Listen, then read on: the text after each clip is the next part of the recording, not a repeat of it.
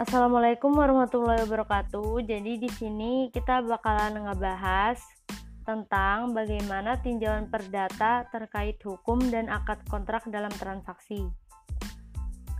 Melakukan dua akad dalam satu transaksi yang sering disebut dengan hybrid kontrak.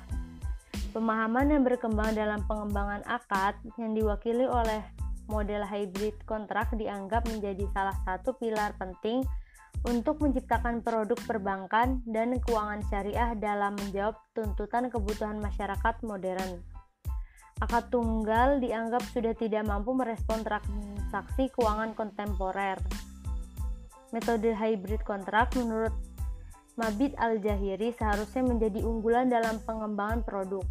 Namun masalahnya adalah literatur ekonomi syariah yang ada di Indonesia sudah lama mengembangkan teori bahwa syariah tidak memperbolehkan dua akad dalam satu transaksi atau akad two in one, sehingga menyempitkan pengembangan produk bank syariah.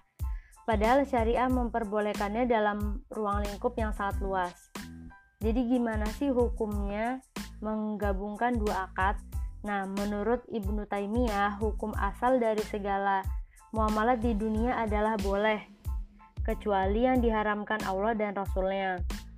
Tiada yang haram kecuali yang diharamkan Allah, dan tidak ada agama kecuali yang disyariatkan. Jadi, eh, menurut Ibnu Taimiyah itu dibolehkan asalkan tidak ada akad yang diharamkan oleh Allah.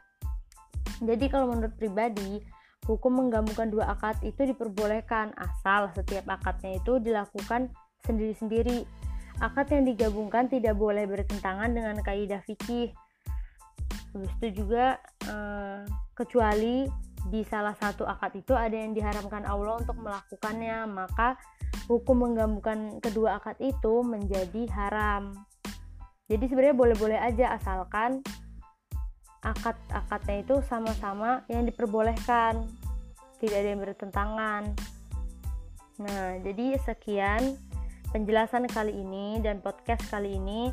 Wassalamualaikum warahmatullahi wabarakatuh.